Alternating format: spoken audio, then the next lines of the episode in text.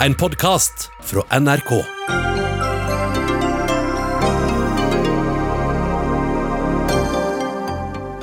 Byrådet i Bergen er bekymret for smittespredning på hjemmefester og vil ha slutt på tidlig skjenkestopp. Helseministeren svarer nei. Høyres programkomité vil øke maksstraffen for terror fra 30 til 50 år for å avskrekke. Terrorister som er villige til å dø for en sak, lar seg ikke stoppe av fengselsstraff, innvender SV. Det er ikke Hakkebakkeskogen og Frøken Detektiv som lokker barn til bokhyllen i dag, sier barnebokforfatter. Vi må ha en blanding av klassikere og nye bøker, svarer Forleggerforeningen. Og bærebjelken i psykisk helsevern er råtten, hevder psykolog Jørgen Flor. Han mener vi er blitt mer opptatt av å behandle flest mulig enn av innholdet i behandlingen.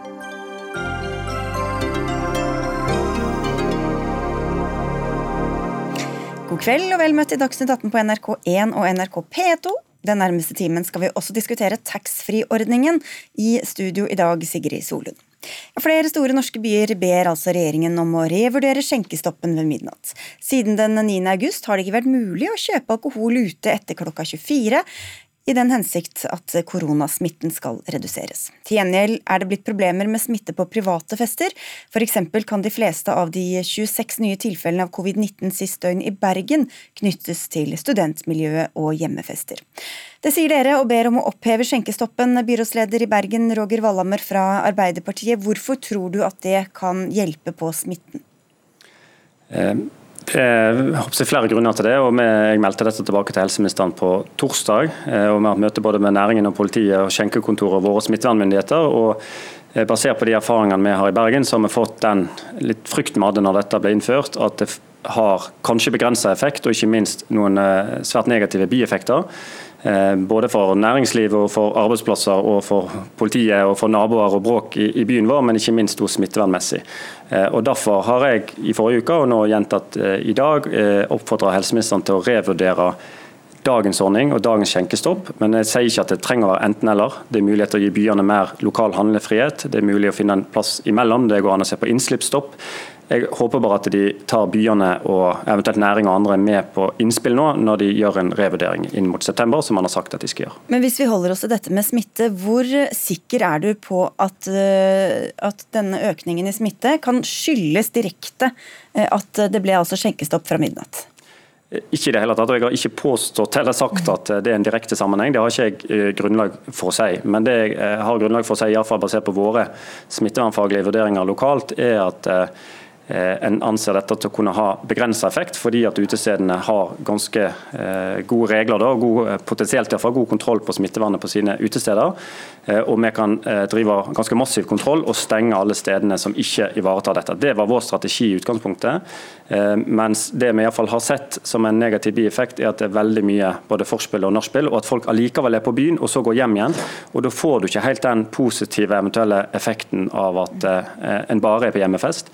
Og Det har vi sett på en del av smittetilfellene eh, i Bergen. Og Det har iallfall bare forsterka meg i troen på at det er lurt å se på dette på nytt. Eh, og så har jeg eh, veldig forståelse for at det kan godt være at noe av dette kan ivaretas hvis vi finner en løsning f.eks. midt imellom, eller gir oss lokalt litt handlefrihet, som er egentlig det vi aller mest ønsker oss. Og Det samme er det flere som ber om, Bent Høie, helse- og omsorgsminister. Men er det aktuelt å lempe på disse reglene?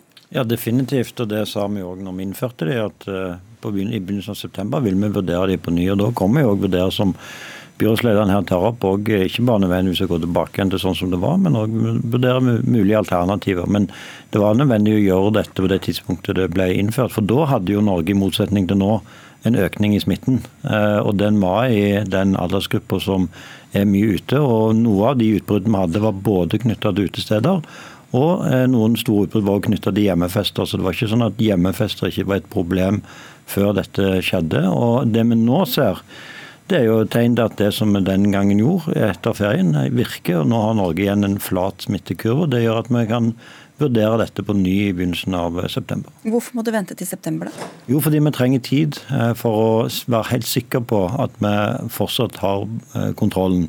Og Det var jo òg bakgrunnen for disse tiltakene. Både at vi bremste opp videre oppmykning, men òg at vi stramma noe inn. Det var at eh, vi hadde kontroll. men vi ville òg beholde kontrollen. Og det tar litt tid før et tiltak blir innført. Det er vi helt sikre på hvordan det virker og hva som er den samla situasjonen. Så Derfor så har, sa vi allerede den gangen at det er i begynnelsen av september som er det tidspunktet vi kan gjøre en ny vurdering av dette. Men Valhammer, er du enig i at eh, dette har gitt dere mer kontroll? Det er vel der vi iallfall eh, stiller spørsmålstegn med det, eh, basert på våre erfaringer lokalt. Eh, og Som sagt så kom jo dette litt overraskende på oss, og det var ingen involvering i forkant. Og det var ikke et tiltak vi hadde på vår blokk når vi vurderte hvordan vi skulle håndtere situasjonen i Bergen. Og Det er ikke sånn at Bergen ikke er villig til å handle eller kan gå og, gjøre ting på egen hånd hvis vi mener det er riktig og vi har faglige råd lokalt. Men det er veldig viktig at når vi innfører strenge tiltak som er innskrenkende for folk, for næringsliv, for kulturliv, hva det måtte være, så må vi jo vite eh, at eller det må være gode grunner for det, da, smittevernmessig, og at det har god effekt. Eh, og Jeg tviler jo ikke på verken intensjonene eller bakgrunnen for dette forslaget, men vi ser i alle fall at effekten er nok begrensa, eh, fordi at utestedene er jo oppe. Hadde du stengt de helt, så kan du få den effekten. Men så lenge de er oppe og folk mikser mellom hjemmefest og utesteder osv., så, så får du ikke helt den effekten. Og vi mister de som faktisk har et ansvar og kan sørge for godt smittevern. Mens vi ser i alle fall, og det rapporterer jo politiet, at på hjemmefestene så er ikke det i eh, høgsetet. Så vår oppfordring har jo vært at eh, finn en eh, løsning som kanskje kan gi noen av den effekten som helseministeren ønsker, uten at det får så mange negative bieffekter eh, for smittevernet, for politiet, for bråk, for naboer, mm. Eh, for eh, næringsliv og arbeidsplasser. Og I Bergen i alle fall, så skulle vi gjerne ønske at vi fikk lov å være med og gi innspill og aller helst kanskje hatt eh, noe fleksibilitet knyttet til en løsning som passer hos oss. Ja, så... For Vi har et næringsliv som har vist at de kan ta ansvar, med noen unntak. og Da ønsker vi å straffe unntakene og ikke ta hele næringen. Så de skulle ønske at de både hadde vært tatt med på råd, Høie, og at de får mer lokalt selvstyre, noe som vel er i Høyres ånd. Hvorfor lar du ikke mer være opp til kommunene selv, eh, når de sier dette kan vi kontrollere, her vil vi ha et litt annet regelverk enn det dere legger opp til? Jo, kommunen kan eh, ha regelverk sjøl, og det er stort lokalt ansvar her. og det det har jo òg Bergen vist at de tar. F.eks. har jo Bergen som en av de få kommunene i Norge innført en forskriftsresta forbud. med mer enn 20, Men det måtte være strengere enn de nasjonale reglene? De kan ikke være mer lempe, det er helt riktig, og det er òg det som vi legger til grunn.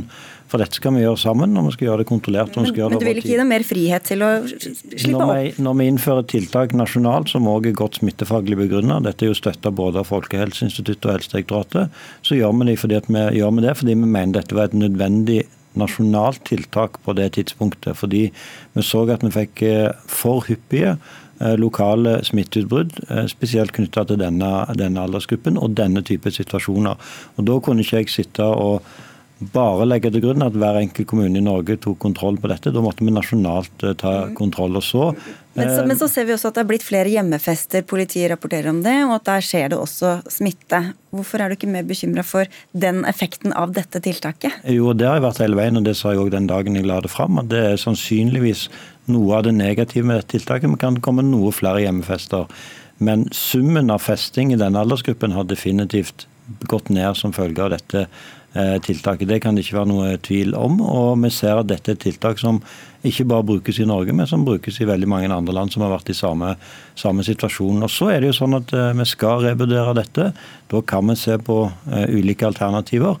Og så er vi jo også hele veien avhengig av nettopp det som byrådslederen her sier, at når det er lokale Eh, utbrudd, så, så, må kommunen bruke de lokale virkemidlene som de mener er nødvendig for å ta kontroll. Men når vi òg gjør det nasjonalt, mm. så er det rett og slett fordi vi skal hindre at det kommer en ny nasjonalbølge, som ikke minst vil være veldig skadelig for denne næringen. Og Jeg òg er bekymra for arbeidsplassen, og derfor vurderer vi alltid de negative konsekvensene av tiltak. Men du sa jo selv Valamer, at dette var en slags hybridløsning som da øh, kanskje ikke fungerte optimalt. Men et alternativ er jo å stenge utelivet fullstendig, da? Altså, hvis du vil ha full effekt på at eh, f.eks. dette med smittesporingselementet, som iallfall jeg innledningsvis tenkte var et veldig godt argument for dette tiltaket. Men det vi i hvert fall ser er at folk kombinerer eh, forskjellige fester. Det er nå én ting, og på nachspiel osv. så er ikke alltid en har helt kontroll på hvem som er der. Eh, og ikke minst gå til byen og gå tilbake hjem igjen, eller ha den type kombinasjon. Så Mitt poeng var bare at smittesporingselementet har i hvert fall ikke slått så godt til som kanskje vi kunne håpt eh, rundt dette tiltaket. Ja, men, eh, Også, men, men, mm. men da, kan du, altså, da kan du argumentere for at da kan du like gjerne øh, heller stenge, altså ikke ha alkoholservering i det hele tatt? Altså, hvis en vil unngå alkoholforbruket og, og spyttesporing, som Høie er opptatt av, så er jo det klart at det, det vil nok hatt en ganske stor effekt å bare stengt alt, men det er ingen av oss som foreslår det. for å si Det sånn. Eh, det er et veldig drastisk tiltak som ikke jeg heller foreslår. Men jeg kan jo bare legge til at det er klart, vi har innskrenka skjenketider i Bergen, og vi, jeg tror ikke Høyre er enig i det, fordi at vi mener det er riktig av sosiale grunner og andre ting. Så eh, Det er ikke poenget at ikke skjenkepolitikk og skjenketider kan ha effekt, men smittevernmessig så mener våre eksperter lokalt og eh, alt fra skjenkekontoret og når vi snakker med andre aktører inn i dette, at det er et dårlig tiltak smittevernmessig, og det får negative konsekvenser, som vi sliter veldig med i Bergen. Og Da ber jeg egentlig ikke helseministeren om noe annet enn det jeg opplever at han sier nå at han skal, nemlig å revurdere dette ta oss på råd, lytt ut til næringen. For i, fall i Bergen så har de ganske mange gode innspill til hvordan dette kan løses på en god måte. da kan vi måte. Og Det tror jeg er en god vei videre. For, unngå at arbeidsplasser alt ryker med i dragsuget her, og så får vi okay. bedre smittevern med på kjøpet. Da var det ferdig. Du, vi krysser av for løst på den debatten, og så takker vi av dere helseminister Bent Høie og Roger Wallame fra Arbeiderpartiet, byrådsleder i Bergen.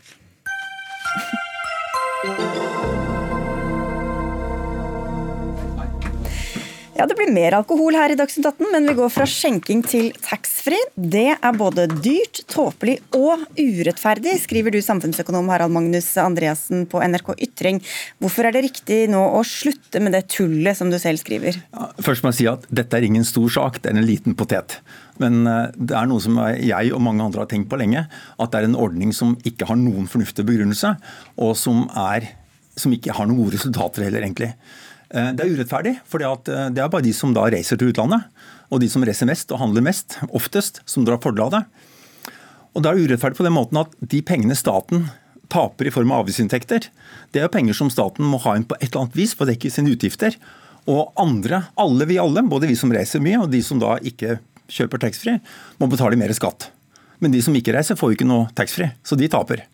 Og jeg vil tro at flertallet norske folk taper penger på det. Mm. Og det tullete, da? Ja, Det tullete er veldig enkelt.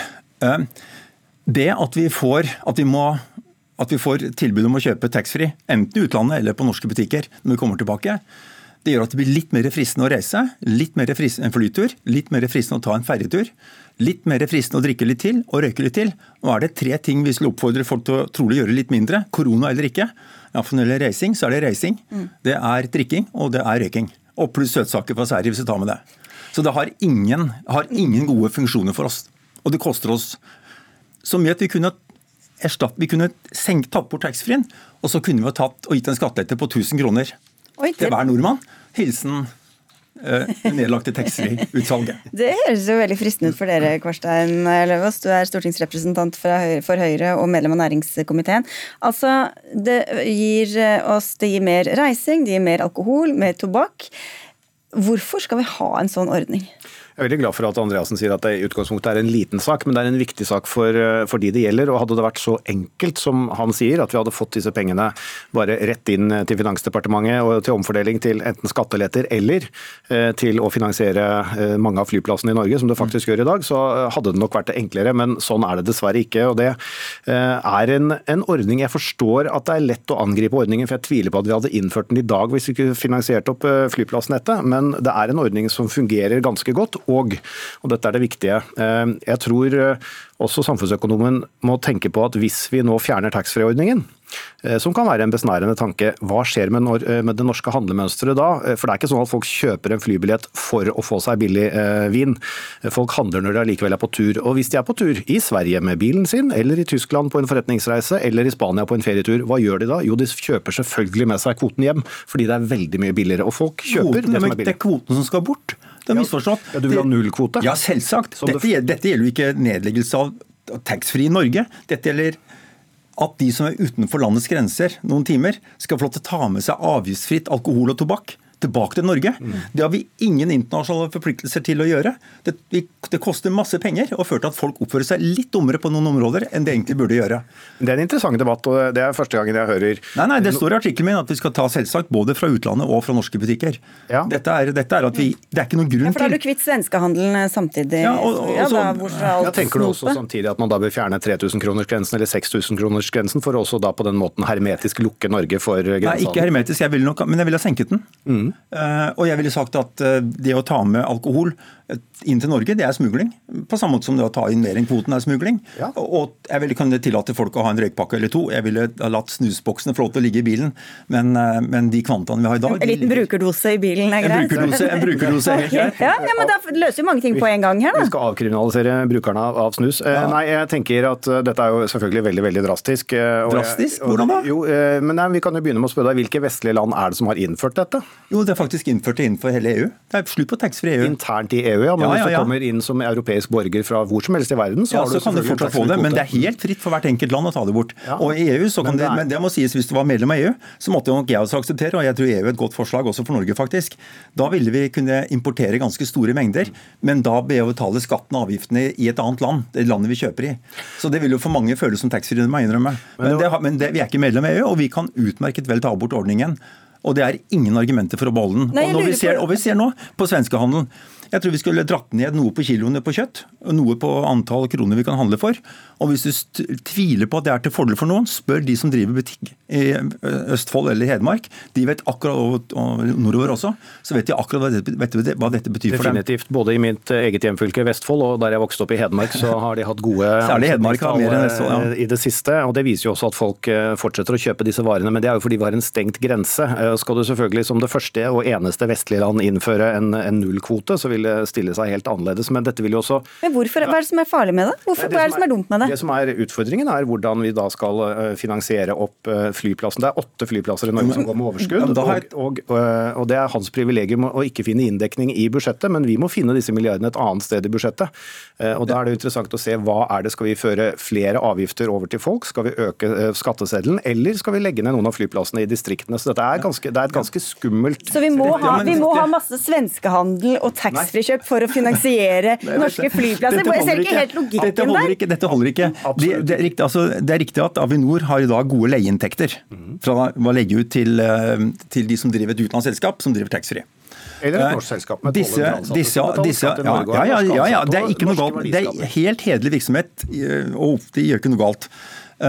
De arealene kan selvsagt leies ut til andre butikkformål på flyplassene. Eh, Hvis vi visste at vi ikke hadde taxfree, og vi etter hvert så bygger vi ut flyplasser og tilpasser, og ikke har taxfree, så bygger vi litt mindre flyplasser. Hvis vi ikke har bruk for det. Og så er det sånn, Mindre det, færre, færre flyplasser? Nei, men hør her. Hvis, vi, hvis det var sånn at taxfree var en grei måte, og, og store butikker som kunne drive med subsidi, altså store subsidier fra fellesskapet, 3 milliarder kroner i året, for å selge tobakk og alkohol, ja, da måtte det være en glimrende idé. Hvorfor skal du begrense det bare til de som har reist til utlandet? Hvorfor ikke la alle som reiser få lov til å handle taxfree? For da ville omsetningen på flyplassene kunne stige mye, og vi får enda mer penger til Avinor. Og vi kunne overføre enda mer penger til andre flyplasser. Disse pengene som vi taper i skatteinntekter, er selvsagt mer enn nok til å finansiere overføringene. Når vi ser på differansen i leieinntekter fra leie ut til taxfree-handel eller til noe annet på flyplassene. Noe annet nekter jeg å godta. Det er ikke riktig. Eh, Og vi kan det, det er kort og godt kjempeenkelt å gjøre det. Og, og særlig nå, så nå er det jo da ingen som er ute og handler uansett. Og vi ser jo at omsetningen på Pol har gått opp. Og skatte i avgiftsinngangen fra butikkene som selger øl og tobakk har gått opp. Og vi har allerede samlet de, de pengene som jeg vil gi til skattelette til norske folk. Så, jeg har pengene det, det, ferdig. det er nå vinduet er, Det nå vinduet er der, Ja. ingen- og ingen merker Og du sier selv det er ikke noe logikk egentlig i denne ordningen. Du ville ikke det- innført den nå, så hvorfor nei, det- ikke avskaffet det den når du har anledningen? det- Det blir en akademisk eh, øvelse som eh, samfunnsøkonomen gjør nå, for dette forutsetter stengte grenser. eller forutsetter, Nei, jeg- nei, nei, før. Vi, før vi gikk inn her, så eh, Hvorfor gjør du det? Vi skal ikke stenge grensene. Vi skal bare si til folk når du kommer hjem, så har du ikke lov til å ta med alkohol. Ja, eller det, men vi har jo grenser på alkohol. eh, Ja, eller ja, Vi kan ta med noen egg og litt kjøtt, men kanskje, ikke litt, kanskje litt mindre enn i dag. Men jeg sa til deg før vi gikk inn, så sa jeg at det er hyggelig, for du har jo i hvert fall ett parti som støtter deg, sa jeg, det er Kristelig Folkeparti, men det var før jeg visste at du mente at vi skulle ha nullkvoter i Norge, for det er ingen, dette er jo ikke en politisk real, det er jo ikke en realpolitisk diskusjon. For Ja, men, ja, men alle Men kan dere ikke ta imot Det går jo an å ta imot nye innspill og tenke Det litt nytt. det er Det, gir, det er mye, mye, mye mer rettferdig for folk. For nå gir vi penger til de som reiser mest. Men men hvor mest. populært er det? Hvor mange Jo, velgere men- tror du du får med deg hvis Jeg har fått masse positive reaksjoner tilbake på artikkelen. Altså, jeg har skrevet om viktige ting. Om oljepenger og renter og valuta og masse andre ting. Og det kan hende det kommer noen kommentarer på det også. Men nå har jeg fått mye mer kommentarer, og Fem av hundre er positive. De innser at dette er noe tull. Hvis du spør lederskribentene i alle norske aviser, så har de sagt det samme som meg, og, enda bedre enn meg. Dette tullet må vi kunne kutte ut. For det koster oss penger, er urettferdig, og vi føler at vi oppfører oss litt dummere enn vi ellers skulle gjøre. Nå meisler ikke vi ut eh, politikken vår fra lederskribentene i norske aviser, heldigvis. Vi kan høre på dem, høre på økonomene også. Av og til har vi rett. Ja, det hender eh, heldigvis, men vi lytter gjerne litt mer til forbrukeren. Og det er i forbrukerens interesse å opprettholde denne Det er ikke i forbrukerens interesse, det er i noen forbrukers interesse. Det går på bekostning av alle andre forbrukere. Ja, Det må du vel være enig i, eller? Nei, jeg er ikke enig i at det går på bekostning av alle andre ja, men at det, bare er noen som får nyte godt av det? Det går jo på bekostning av de som ikke kjøper det. De får ikke fordelen. De må betale skatt. Men vi skal tilbake til normalsituasjonen. Folk ja. kommer til å reise. Folk ja, kommer til å ville unne seg den ene flasken med vin eller den uh, ene rullen med snus. som de vil ha ja, men Sett koden til én flaske hvis det så skal være, da, så vil iallfall lønnsomheten av butikkene gå ned. Og det vil i praksis bli borte. Det er ikke lov til å ta med alkohol inn i landet og utover ganske små grenser. Sånn sett har vi en stengt grense allerede for alkohol og tobakk. Og dere, Denne kronikken kan altså leses og kommenteres på da, på NRK Ytring. Vi får spille det inn til Høyre, som driver og snekrer på program, som vi skal snakke om seinere i sendinga også. Takk skal dere ha begge to. Harald Magnus Andresen, samfunnsøkonom, og Kårstein Eidem Løvaas, som sitter på Stortinget for Høyre.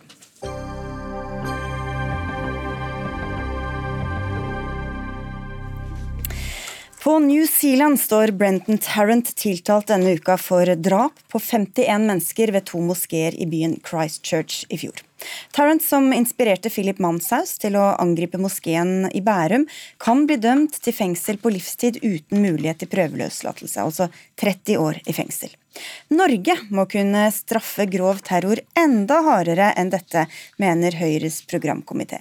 I disse dager meisler som nevnt komiteen ut eh, forslag til nytt program, og en del av det er altså at maksimalstraffen for grove terrorhandlinger bør økes fra 30 til 50 år.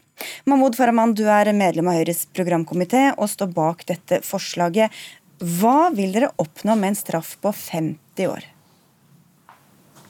Eh, hovedhensikten her er jo da å eh, for det første eh, ivareta samfunnet, innbyggerne, på best mulig måte og ikke minst ivareta Norge og Norges interesser. Terrorhandlinger vi snakker om her, er krigshandlinger rettet mot sivilbefolkningen. Eh, og dermed må straffen stå i, i forhold til det. Mm. Det er egentlig tredelt sak, som, som, nevnt. altså Verne samfunnet. Ivareta befolkningens og ofrenes og pårørendes rettferdighetsfølelse. Og ikke minst sende et klart signal til underskogen av terrorister Eh, som vurderer å begå terrorhandlinger, eh, om at eh, dette vil bli straffetalt. Så hører jeg i innledninga her at min motdebattant her har noen tanker om selvmordsbombere og de som er villige til å Kan ikke han få komme med dem selv, da? Så kan du få kommentere dem etterpå. Petter Eide, medlem av Stortingets justiskomité for SV. Dere er altså mot en sånn ordning, men hvorfor ikke vise hvor alvorlig samfunnet ser på denne type handlinger? Vi ser veldig, veldig alvorlig på terrorisme, selvfølgelig, og vi er helt enige med Høyre at vi skal sette alt inn for å begrense terror. Men eh, det er et drastisk inngrep som Høyre foreslår her, og, og Høyre må jo tenke gjennom om dette faktisk virker. Hvis vi ser rundt oss på andre land i verden, de landene som har den strengeste straff Eh, mot terror, f.eks. de landene som har dødsstraff for terrorisme, ja, det forhindrer ikke terrorister i å begå eh, forferdelige terrorhandlinger. Vi kan se på alle skoleskytingene i USA hvor de har dødsstraff. Vi kan se i Pakistan hvor det er veldig mye terror. Så vi er nødt til å tenke oss grundig om, og så må vi finne et sett av mange virkemidler, sånn at vi kan bekjempe dette. Det er ikke noe automatikk i at økt straff, straffelengde vil forhindre terror. Hvordan vet du Faraman, at det forebygger ved å plusse på 20 år på en ganske lang fengselsstraff som var der da i utgangspunktet? Det er flere poenger her. som sagt. Altså det ene er at Etter 50 år så er de fleste terrorister mer eller mindre avvæpna eh, og, og vil ikke ha noe effekt i samfunnet. Deres ideologi er mest sannsynlig utdatert. Samtidig så er det som sagt dette vi snakker om å sende et klart signal. Men de eksemplene som eh, motdebattantene her tar, er i og for seg interessante, men ikke så valide. Når man ser i Storbritannia at 3% av terrorhandlinger som ble begått mellom 2013 til 2020, ble begått av individer som var dømt for terror, ble sluppet ut for tidlig. Så er det et klart signal. Altså, her snakker vi ikke om uh, igjen de som er villige til å dø for saka osv., men vi snakker om de, dem som uh, på en måte har begått en, uh, en, grov handling, blir arrestert og er mulig å straffeforfølge. For å sende et klart signal til andre som vurderer dette her. Um, men, men, du, men, tror du ikke at hvis du ikke blir avskrekket på tanken av 30 år i fengsel, tror du da at du blir avskrekket tank, ved tanken på 50? Eh, det kan ikke jeg svare på her, men det man vet er at eh, fengselsstraff for grove kriminelle handlinger og vold eh, og terror i og for seg fungerer. For altså, den, den, som har utøvd handlingen, sitter jo bak murene og kan ikke begå handlingen på nytt. Og Så kan man jo sikkert diskutere hvorvidt det har en, en psykologisk effekt. Noe man ser, iallfall i norske fengsler, med det rehabiliteringsfokuset vi har og de, de fengselstilnærmingene vi har, kan ha en god effekt. ja. Ja, eh, jeg mener igjen at Høyre ikke på noen som helst måte kan dokumentere at dette har noen effekt. Jeg kan til og med tenke seg eh, at det kan, være, at det kan ha motsatt effekt. For noen eh, veldig ideologisk drevne terrorister så kan det faktisk til og med være tiltrekkende. At det er en veldig sterk Men dette vet ikke du heller, det er også bare spekulasjoner. Jeg, jeg, jeg, sier at, For det er jo ikke slik at terrorister kjemper at de kan for å få minst mulig straff. De gjør snarere tvert imot. De påtar seg forbrytelsene, og de, og de, og de er nærmest stolte av at straffen er streng. Så jeg mener at Høyre må tenke seg godt om. Problemet med denne type forslag er at det skyver oppmerksomheten vekk fra det som er de virkelig viktige tiltakene for å bekjempe terror. Og Det handler om godt politiarbeid, penger til PST, internasjonalt, uh, internasjonalt politisamarbeid, og etterforskning. Der regner jeg med at dere er enige? Høyre, ja, vi er enige i det, men når Høyre gjør dette, så forskyver de oppmerksomheten vekk fra det som er okay, de grunnleggende i terrorbehandlingen. Jeg skjønner, men nå er det dette vi snakker om. Og Hvis, hvis vi ser på rettferdigheten, altså hva samfunnet ser på dette, Petter Eide. Hvis man dreper mange titalls mennesker mennesker i et terrorangrep, og så får du 30 års fengsel, så blir det kanskje bare noen måneder fengsel per drepte person. Hvordan, ja, hvordan stemmer det med rettsoppfattelsen? Det er et veldig, uh, veldig godt, godt, innspill. og Det virker kanskje litt sånn besnærende også å tenke seg at hvis vi bare kan øke strafferammen, så bidrar vi til å begrense dette. Men dette er jo mye mer komplekst og komplisert, spesielt for den type, gruppa, den type handlinger og den type gruppa vi her, skal, vi her skal henvende oss til. Denne gruppa er motivert av helt andre ting. De bryr seg i liten grad om fengselsstraff. Men, men samfunnets behov for å, å, straffe folk, da? Det kan jo ja. bli mer fylt av, av å sende dem lenge fengsel? Jeg tror ikke nødvendigvis det. Jeg tror at en straff på, på, på 30 år, uh, i, uh, og i tillegg så kan man ha forvaring og sånn etterpå, som gjør at de kanskje blir sittende inne i praksis uh, for livstid. Men jeg er litt opptatt av den, den, politiske effekten av denne type forslag. fordi her driver Høyre en, en smule posering, spesielt overfor de kreftene til høyre for seg. altså Fremskrittspartiet, som tidligere i tillegg har, opp, har tatt opp forslag om dødsstraff i Norge for terrorister. Så Eh, Høyre må tenke seg godt om. Det er veldig inngripende. Og, og de må vite om det fakt, dette faktisk har noen effekt før de, før de foreslår det. Ok, Ferman. Hvis jeg får lov til å svare. Altså, eh, Eide tar opp en del temaer her som er interessante. Altså, denne regjeringen har bevilget flere hundre millioner til PST det forebyggende arbeid. Da snakker vi om PST på nasjonalt plan, ikke bare de som sitter på Nydalen, men også ute i regionene. Vi har jobbet aktivt med forebyggende arbeid, og det er fortsatt fokuset i denne regjeringen. Ok, Da sier vi det. Men bare helt på, på, til slapp, ja, men jeg vil ha et spørsmål til deg, for Du snakket selv om rehabilitering. La oss si at du blir dømt til så mange til 50 år i fengsel, og så etter 15 år så blir du fullstendig avradikalisert. Du angrer, du har blitt et nytt nytt menneske, skal du da fortsatt sitte 35 år til i fengsel? Det er en vurdering som domstolene og fengselsvesenet må gjøre. Det er ikke noe jeg sitter med. Men jeg mener at det skal være en rettferdighetsfølelse i den straffen som utdeles. Og folk skal føle at deres eh, interesser ivaretas, og at staten ivaretar dem som både ofre, pårørende, men også som, som sivilbefolkningen. Og så vet man fra tidligere kriminalstatistikk at det å lempe på fengselsstraffer og lempe på straff nødvendigvis ikke har den effekten som er i det her. Men da skal vi høre med deg, Synnøve Ugelvik, du er førsteamanuensis ved Institutt for offentlig offentlig rett på Universitetet i Oslo. Kan det virke avskrekkende å øke straffen, altså fra 30, maksstraffen fra 30 til 50 år? Ja, altså eh, Terrorkriminalitet er helt forferdelig, og det er forståelig at man ønsker å ta denne debatten og eh, løfte, mm, forsøke alle mulige tiltak. Og Intuitivt så, så, er det naturlig kanskje at man bare tenker at man har lyst til å hevne seg. til og med. Man vil gjøre hva som helst, sette en kjempestreng straff. Det er tre viktige ting å si i dette henseende. Det ene det er at eh, vi har allerede lang strafferamme for denne type kriminalitet. Og som allerede nevnt, vi har forvaringsstraffen. Forvaringsstraffen den gir oss mulighet til å vurdere farligheten til eh, disse lovbryterne løpende, sånn at de i realiteten kan sitte 50 år eller lengre hvis vi eh, ønsker det.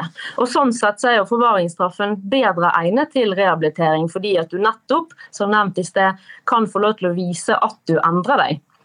At du kan uh, si, bli et bedre menneske, du kan utdanne deg, du kan bli avradikalisert, uh, og så kan du slippe ut. Eller man kan holde på deg så lenge som det er uh, nødvendig. Det er viktig sånn sett at straffen er tilstrekkelig lang, fordi at man må kunne jobbe med rehabiliteringen på den måten.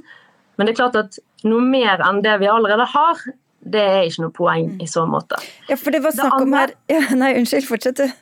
Ja, det andre vil jeg da kommentere, det andre punktet, viktige tingen, det er altså dette spørsmålet om hva er det som er rettferdig eller oppleves rettferdig i befolkningen eller blant ofrene osv. Um, da er spørsmålet hvorfor akkurat 50 år? Man kunne tenkt på en hvilket som helst tall, altså 70 år, 100 år, det kunne vært uh, dødsstraff. Um, det som jeg synes er viktig å trekke frem i den sammenhengen i forhold til terror, er hvorfor da akkurat terror?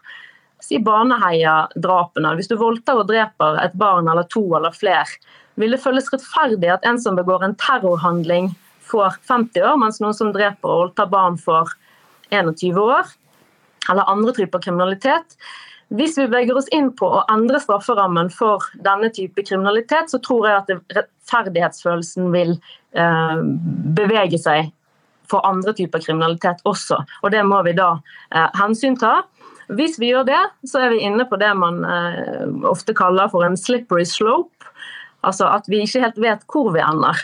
Eh, I Norge så har vi blant den laveste kriminalitetsratene i verden. Vi har få grove forbrytelser relativt sett. Vi har, eh, vi har lite terror, heldigvis. Og jeg syns det er skummelt å tenke at vi skal rokke ved dette her uten at vi har klare bevis for at det funker, og det har vi ikke. Det finnes ingen forskning som sier at høyere strafferammer enn det vi allerede har, at det funker. Det veldig, hadde vi ett års strafferamme og vi økte til 20 eller 50, det ville funket. Fra 20 eller 30 til 50 har ingen effekt. Det tredje punktet jeg vil si, det er jeg skal være veldig rask, virker avskrekking i det hele tatt. Ja, det funker kanskje. Forskning viser at det funker, men ikke, sånn som Petter Eide var inne på, ikke for denne type kriminalitet. For den grove kriminaliteten, som terror, som drap, så begås det i effekt. Det begås eh, affekt fordi pga. følelser eller ideologi, og det påvirkes ikke av eh, strafferammer. Det påvirkes av helt andre ting, rett og slett. Da får vi se om programkomiteen får med seg Høyre. Takk skal dere ha alle tre. Synnøve Ugelvik, førsteamanuensis ved Institutt for offentlig rett ved Universitetet i Oslo. Petter Eide, medlem av justiskomiteen fra SV. Og Mahmoud Farahmand, medlem av programkomiteen i Høyre.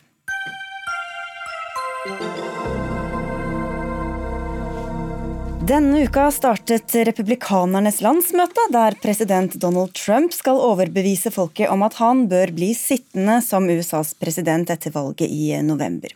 Flere av familiemedlemmene hans står på talelista. I kveld skal Trumps kone Melania Trump holde tale. Og Veronica Westrin, USA-korrespondent, hva kan vi forvente oss av den? Det blir spennende, for det er første gangen egentlig i valgkampen at hun eh, trer ordentlig fram. Hun har holdt en veldig sånn perifer rolle så langt. Eh, og så har hun hatt eh, hjelp bare fra sine nærmeste medarbeidere, og ikke valgt å ha profesjonelle taleskrivere. I tillegg da, så skal hun holde denne talen fra Rosehagen, som i helga ble lansert i ny drakt. Hun har pussa opp, renovert den, og det har jo mottatt masse kritikk, spesielt i sosiale medier, for mange reagerer og mener at hun har ødelagt den. Hun har eh, tatt vekk historien og det Jackie, Jackie Kennedy gjorde med den hagen, som var full av farger, men nå har eh, kommet i en litt mer sånn grønn og hvit eh, drakt. Mm. Så det blir spennende å se fra Washington DC der. Men hvordan vil du oppsummere landsmøtet så langt utover dette? Altså, det var jo første dag i går. Vi hørte Trump tale på plass i North Carolina. Og så var det da dette kveldsshowet som varsla blei et rent Trump-show, hvor det blei snakka til denne basen til Trump. Vi hørte taler som tegna et bilde av alle ting som går godt i USA, og hvor budskapet var at the best is yet to come, mens alle problemene USA står overfor, knapt blei nevnt. Mm. Og reaksjonene? Nei, Det går jo på dette bildet som ble tegna. Det har jo vært eh, kanalene CNN, MSNBC f.eks. har jo faktasjekka dette. F.eks. så ble det lagt vekt på hvor godt Trump har håndtert koronapandemien. At han har vært eh, raskt ute med å komme med medisiner og hindre innreise fra Kina og andre land.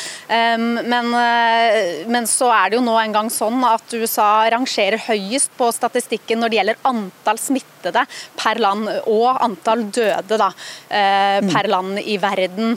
Så dette har jo medbrakt mange reaksjoner. Og også dette bildet som ble tegna av demokratene og Joe Biden, eh, som vil føre til et mørkere USA i framtida. Vi får se hva Melania Trump har å si. Det er altså totalt syv, eller sju som det heter her i NRK, av Trumps familiemedlemmer som skal tale under landsmøtet. Hør Dagsnytt 18 når du vil. Radio NRK Radio.nrk.no. Erna Solberg glemmer aldri Frøken Detektiv. Anita Krohn Traaseth anbefaler Ronja Røverdatter, og Guri Skankes barnefavoritt var Inger Hagerups Så rart. Det var noen av svarene Aftenposten fikk da avisa nylig spurte kjente mennesker om hvilke bøker som formet dem i barndommen, med tanke på tips til hva som kan inspirere og leses av og for en ny generasjon. Men det er ikke disse bøkene som skaper nye lesere, skriver du i et innlegg i Aftenposten, forfatter Arne Svingen. Hvorfor tror du ikke det? Fordi jeg vet det. Fordi jeg har eh, reist over 20 år i uh, den norske skolen, og da stiller jeg ett spørsmål hver eneste gang. Hvilke bøker er dere liker å lese? Og gjennom alle de besøkene, tusenvis av besøkene som jeg har uh, gjort, så har jeg aldri fått nevnt noen av de bøkene som disse kjendisene likte, fordi de likte dem da de vokste opp. Mm. Og det er jo heller ikke sånn vi gjør det hvis vi f.eks. skal få Eh, voksne til å lese. Eh, da anbefaler vi ikke en haug med bøker fra 30- og 40-tallet. Da er det ikke sånn at vi kjører på med Bjørnson. Vi det er akkurat det samme med ungene som med de voksne. De vil ha ny, oppdatert litteratur som berører dem i dag. Og Hva er negativt da med et sånt oppslag som det Aftenposten hadde? Fordi de bruker eh, veldig lite plass på barne- og ungdomslitteratur, og de bruker stadig mindre plass. Dette gjelder jo ikke spesielt Aftenposten, dette gjelder jo pressen generelt. Og vi vet at de som kjøper barne- og ungdomslitteratur, det er jo ikke barna selv. For det er jo som regel voksne, det er foreldre og besteforeldre, som veldig ofte kjøper det i presang fordi de vil at ungene skal lese. Og da kjøper de bøker som de har hørt om fra før, og da blir det veldig vanskelig, fordi de får bøker som da f.eks. ble utgitt for et halvt århundre siden. Mm. Cecilie Asker, kulturredaktør i Aftenposten. Eh, usikker på hva du skal lese til barna dine i sommer, skrev dere om bøkene som ble anbefalt, og kanskje det kan inspirere en ny generasjon. Men tror du at disse bøkene inspirerer dagens barn og unge? Jeg er helt enig med Arne at eh, det hadde vært trist om dette var det eneste vi skrev om barnebøker, men det er det jo ikke. Dette var en guide, eller altså en redaksjonell guide som var satt sammen, litt sånn løst og ledig.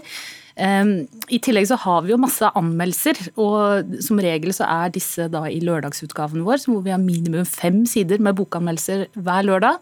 Og jeg tok en eh, titt på lista så langt eh, i år, og så at vi hadde anmeldt 15 nye barne- og ungdomsbøker så langt, av 120 anmeldelser. Og i fjor anmeldte vi til sammen ca. 250, så da kanskje vi lander på rundt 30, da. Mm. Som er 10% av bokanmelderiet vårt. Det syns ikke jeg er så verst, egentlig. Nei? Jeg synes Det er veldig fint at eh, Aftenposten vier bokstoffet en del eh, plass. Men det er blitt mye mindre, for det er faktisk en avis som jeg leser. Og vi ser også at i den grad det anmeldes, så gjør de det f.eks. gjennom det som forlagene har begynt å satse på. Siden det er så mye klassikere som selger, så eh, skal vi ha ny litteratur, så må vi ha kjendiser som skriver barne- og ungdomslitteratur. Og da blir det f.eks. stort oppslag når Sandra Lyng skriver bok, eller Ada Hegerberg, eller Sondre Lerche, eller Marit Larsen f.eks., for, for bare ta noen eksempler fra i år. Vi skal høre fra forlagene, men kan, hvordan stiller dere dere til hvem, hvem er det dere velger ut å skrive om og ikke? Dette stemmer jo ikke helt da for eh, Aftenpostens del, fordi vi er en abonnementsavis og faktisk da vi har ikke gått ned på antall bokanmeldelser, faktisk. Vi har gått opp de siste to-tre årene. Det var lett å be deg hit i dag, for du hadde gode tall. Ja, ja, så det, det, stemmer ikke. Og det du snakker om at man kjører opp kjendiser, det kan være at det stemmer for f.eks. VG og Dag, Dagbladet som er mer opptatt av klikk.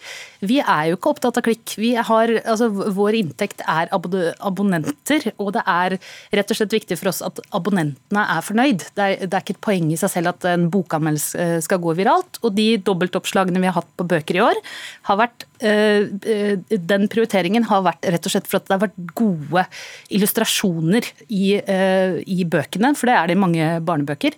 Og det har ikke vært kjendisene. Jeg så på den lista med 15. Det var én kjendis, og det var Sandra Lyng, og hun fikk ikke to sider. Men jeg syns jo at det er viktig, så viktig at vi faktisk har lesere en gang i framtida som både kan lese Aftenposten og som kan lese bøker.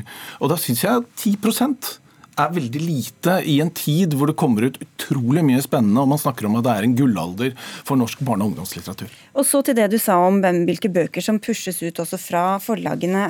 Kristin Einersson, du er eh, administrerende direktør i Den norske forleggerforening. Hvordan vekter dere dette med å liksom få fram de gamle klassikerne, for å kalle dem det, kontra de nye bøkene med kanskje ukjente forfattere? Altså, vi kan kanskje snakke om dette, men jeg tror største utfordringen er å få barn og unge til å lese, ikke hva de leser.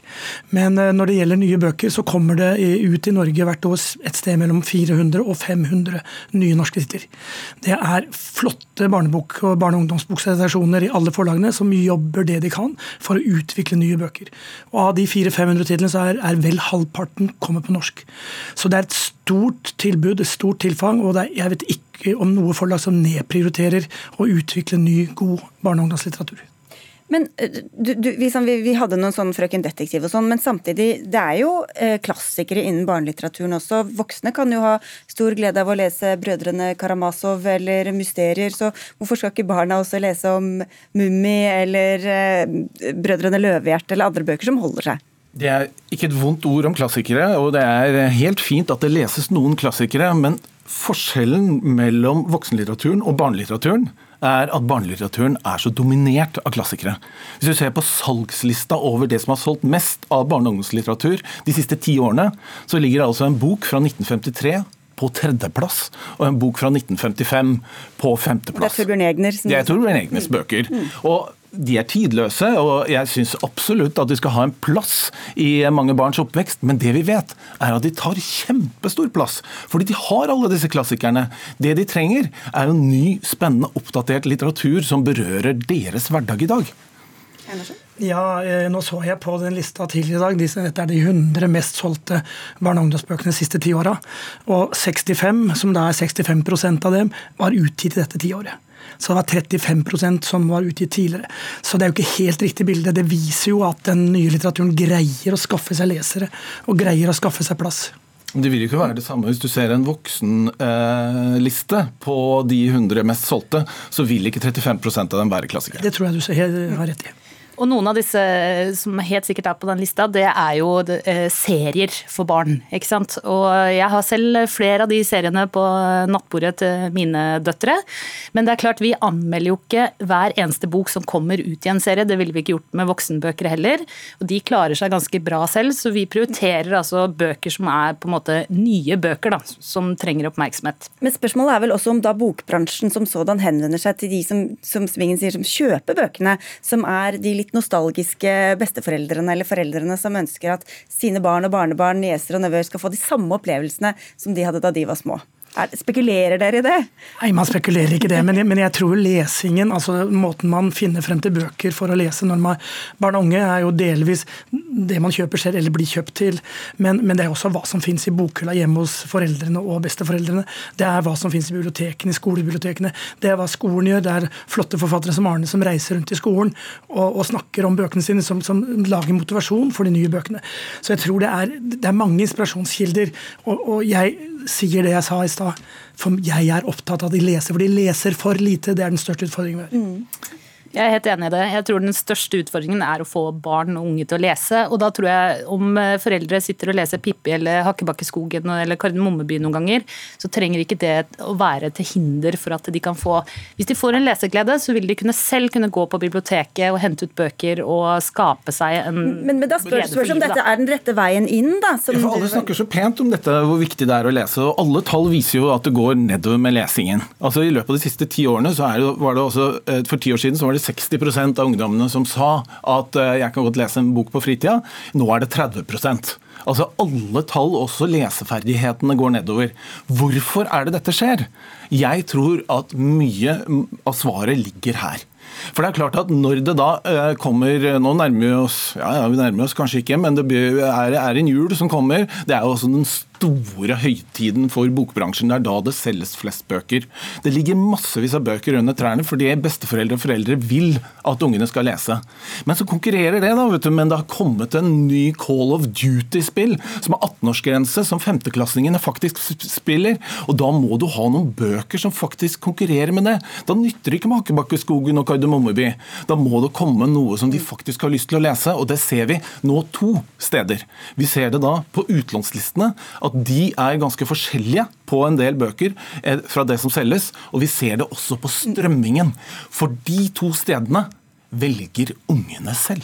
Og du er også veldig opptatt som du selv sa, Einarsson, at, at ungene må lese mer. og Dere har spilt inn til kulturministeren vet jeg, forskjellige forslag og innspill. Men hjelper det da å spille på den, all den nostalgien som vi holder på med? Ja, jeg, jeg, jeg, oppfatter ikke at det spilles på nostalgien. Jeg tror veldig mye av denne lesingen kommer fra egen vilje fra, fra foreldre og besteforeldre, som, eh, som syns det er artig å prøve ut noen av klassikerne. Og så kjøper de nye bøker også til det. Jeg, jeg tror ikke dette er hovedutfordringen. Hovedutfordringen vår er å få en ny lesestrategi. Vi laga en på slutten av 90-tallet hvor vi hadde store problemer med særlig unge gutter. Og vi startet Foreningen Les og alt annet. Og bransjeorganisasjonene har spilt inn til kulturministeren vi må ha en ny lesestrategi nå. Jeg tror eh, Call of Duty, De som får Call of Duty, de har nok uansett vokst fra Hakkebakkeskogen. vi får håpe det. ja. Så jeg, jeg tror ikke det nødvendigvis er en konkurranse. Ok, Litt gamle bøker og ganske mye nytt får vi være fasiten her. Takk skal dere ha, i hvert fall alle tre. Forfatter Arne Svingen, kulturredaktør i Aftenposten Cecilie Asker, og Kristin Einarsson, som også er administrerende direktør i Den norske forleggerforening.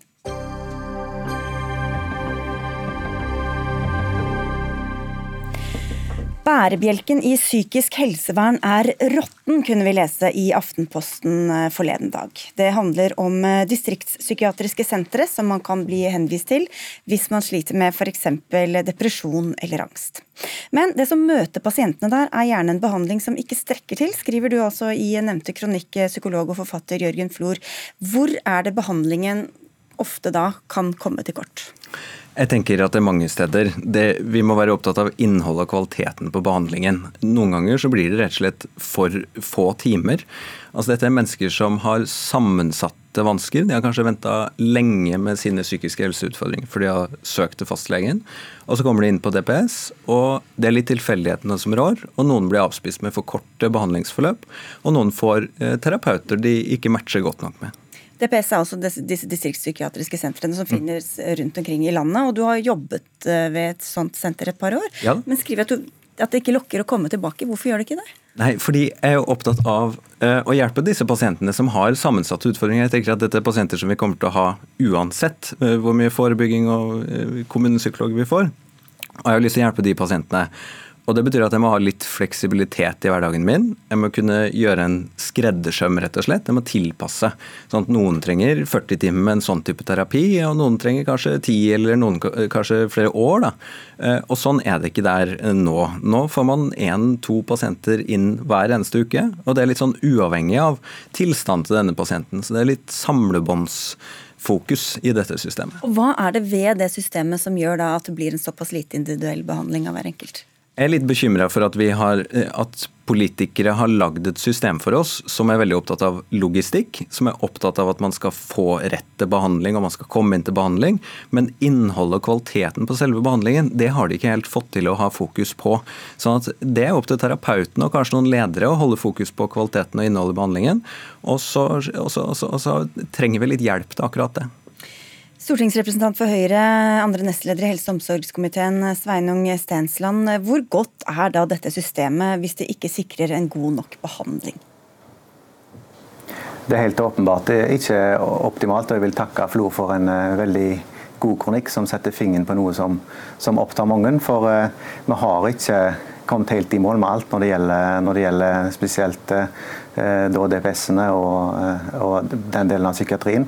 Samtidig så har vi sett at en del bør få hjelp før, og derfor òg bør få hjelp ute i kommunene. og En viktig satsing for oss har jo vært å bygge opp eh, systemet i kommunene med flere psykologer ute i kommunene og mer forebygging, sånn at færre slipper å komme til DPS eh, eh, og kan få hjelp uten å komme så langt i systemet. Jo, men så sier han at det vil alltid, alltid være dette behovet, og, og nevner da den, disse litt sånn firkantede systemene, og kan peke på det som er et pakkeforløp også, som er det samme som vi har f.eks. For, for kreftbehandling. Er psykiske lidelser mm. egnet til eh, sånne pakkeforløp? Eh, pakkeforløp er jo et ganske nytt eh, tiltak, og det handler jo om å gi forutsigbarhet. og Det har vært noe av problemet at eh, pasienter som blir henvist, ikke vet helt veien videre. Og Pakkeforløpene skal være en vei å ikke nødvendigvis ha A4-løsninger og full standardisering, men å vise veien videre, sånn at pasienten vet hvor han er i systemet. For Det har vært noe av utfordringen her, at det har vært litt dårlig ledelse, litt dårlig ressursbruk, og en får da et system som er noe i nærheten av det som Jørgen eh, Flor beskriver så utmerka i sin kronikk. Mm. Og så er vi ikke helt enige i alle løsningene. Og Når det gjelder innholdet og hva som er faglig mest riktig å gjøre, så er jo det heldigvis en fagdebatt. Men et av problemene har vært at vi ikke har målt nok. Vi har ikke hatt gode nok eh, systemer for å vite hva som fungerer. Og vi ser nå at det er stor forskjell land imellom, både i innhold og kvalitet, mm. men ikke minst i hvor mange som blir avvist når de får henvisning. Så dette er ting som vi absolutt eh, allerede har begynt å ta tak i og må jobbe videre med. Men du Flor, peker på pakkeforløpene og sier det er som å være fanget i drift. Hva mm. mener du med det? Jeg mener at det, og det er litt sånn som Stensland sier, da. Uh, han er opptatt av logistikken, at folk skal få et tilbud. Det er fint. Jeg er helt enig. Og det er godt mulig at pakkeforløpene hjelper til med det. Jeg er litt usikker. Akkurat nå så er det bare koding, så det gjør ingen endring. Man bare koder en masse ting. Um, men, men jeg vil vende tilbake til det her med at vi, vi, vi må få no, pakkeforløp som fokuserer på innholdet i behandlingen. Det skjønner jeg ikke helt hvordan det skal se ut. For da begynner du å styre terapeuter veldig mye. Og vi ønsker egentlig en bred variasjon mellom uh, ulike terapitilbud. Dette har de snakket om som ønsket variasjon før. Det vil vi ha. Så uh, hva vi skal standardisere her, det forstår jeg ikke helt når det kommer til innholdet i behandlingen. Du skal få svare, Stensland, men vi skal få inn deg også, Tuve Moflag. Du sitter på Stortinget for Arbeiderpartiet. Arbeiderpartiet, og dere har vært kritiske også til disse eh, pakkeforløpet til sånn måte å styre på. Hvorfor det egentlig? Nei, Det er jo noe av det som Flor også tar opp i sin kronikk. og Vi har også fått tilbakemeldinger fra de som jobber ute i felt, at selv om det er en god intensjon i det at man skal få mer forutsigbarhet som pasient, så stjeler også den logistikken tid fra den relasjonen som det er viktig å bygge mellom behandler og pasient. Eh, at det tar for mye tid med koding, rett og slett. Så veldig mange av psykologene og andre som jobber ute i DPS-ene, melder jo om i denne evalueringsrapporten som har kommet, at de opplever et større arbeidspress, og at de ikke klarer å levere bedre tjenester til brukerne. Så en god intensjon som kanskje da ikke har fungert så godt i praksis. Men hva er alternativet, da? Alternativet er at vi må ha færre av disse målepunktene. Eh, alternativet, Det beste alternativet for å sikre kvalitet for brukerne der ute, er å sørge for at vi har kompetanse hos de som jobber der, og at de har nok tid til å bygge en god relasjon og gi behandling til pasientene. Jeg tror at vi politikere som sitter på Stortinget, og det er noe som jeg har tenkt mye på sjøl også, at vi må passe oss for å bli så innmari eh, målekåte at vi til slutt ikke har tid til å gjøre noe annet annet eh, der ute. Det er utrolig viktig at vi gir tillit, tid og rom til å kunne bygge gode relasjoner og gi god behandling. Har det blitt for mye måling, Stensland? Ja, jeg kjenner meg ikke helt igjen i at vi på Stortinget sitter opptatt av eh, bare måling. Men det er jo helt klart at eh, når, når ventetidene var for noen år siden opp mot altså over 100 dager for, etter du fikk henvisning for et barn til, til, til et DPS, så er det altfor alt for lenge. Eh, og, og, Da måtte vi gjøre noe. Og vi visste jo ikke engang tilstanden når vi kom i gang for noen år siden overalt. Og Det aller viktigste er å vite hvordan tilstanden er. Og Det er som sagt for stor variasjon, og det er ikke bra at det er stor, stor forskjell mellom landsdelene. og Dette er en av grunnene til at man har tatt tak i dette. Og når det gjelder pakkeforløp, så er det et såpass nytt tiltak. og Det å felle en endelig dom over det, det tror jeg er litt tidlig.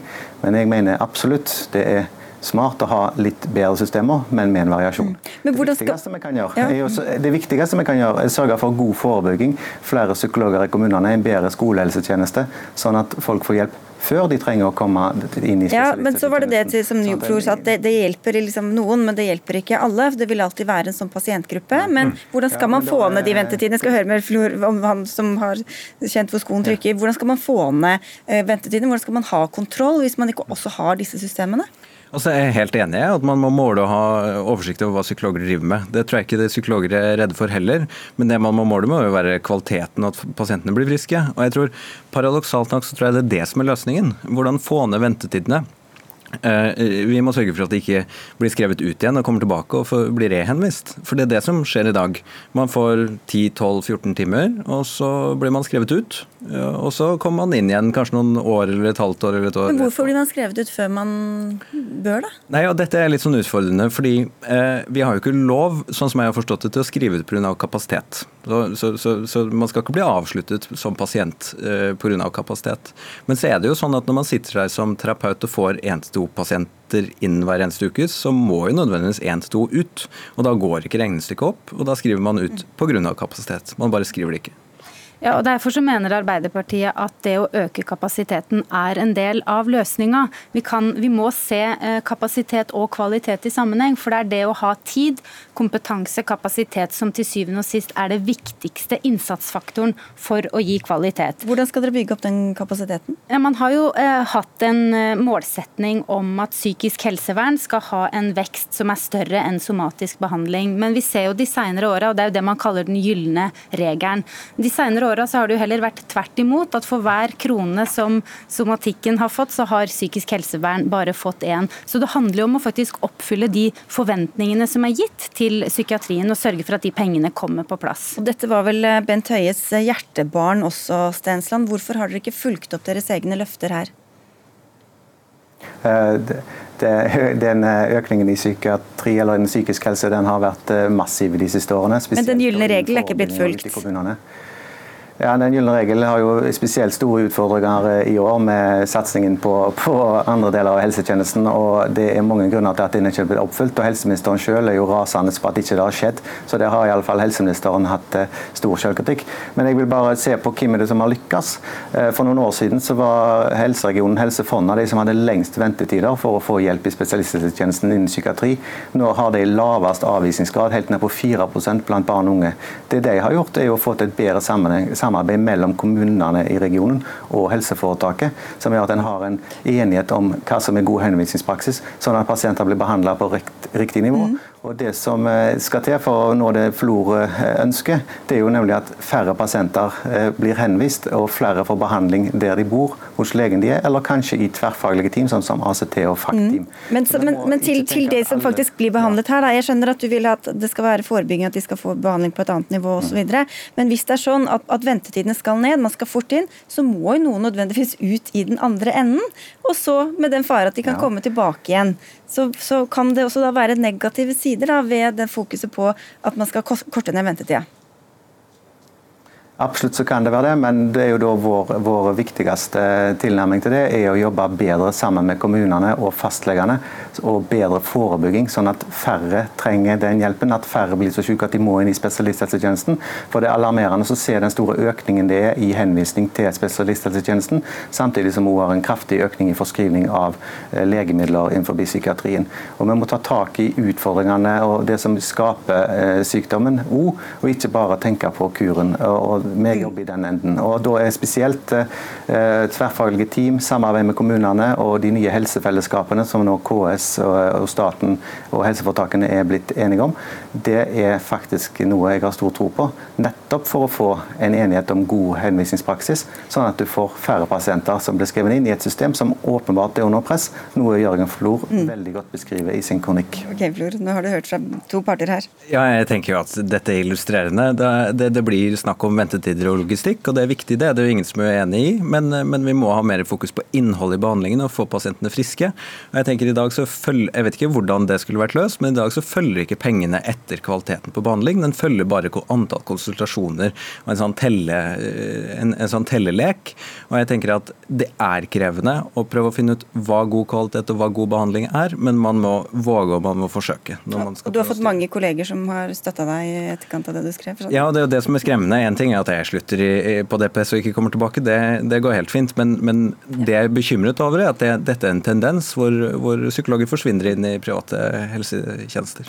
Takk skal du ha for varselet, Jørgen Flor. Takk til dere også, Tuva Moflag fra Arbeiderpartiet og Sveinung Stensland fra Høyre. Dagsnytt 18 er over for i dag. I morgen sitter Espen Aas og tar imot dere. Anne Katrine Førli, Hanne Lunås og jeg, Sigrid Solund, takker for følget og ønsker en fin kveld videre.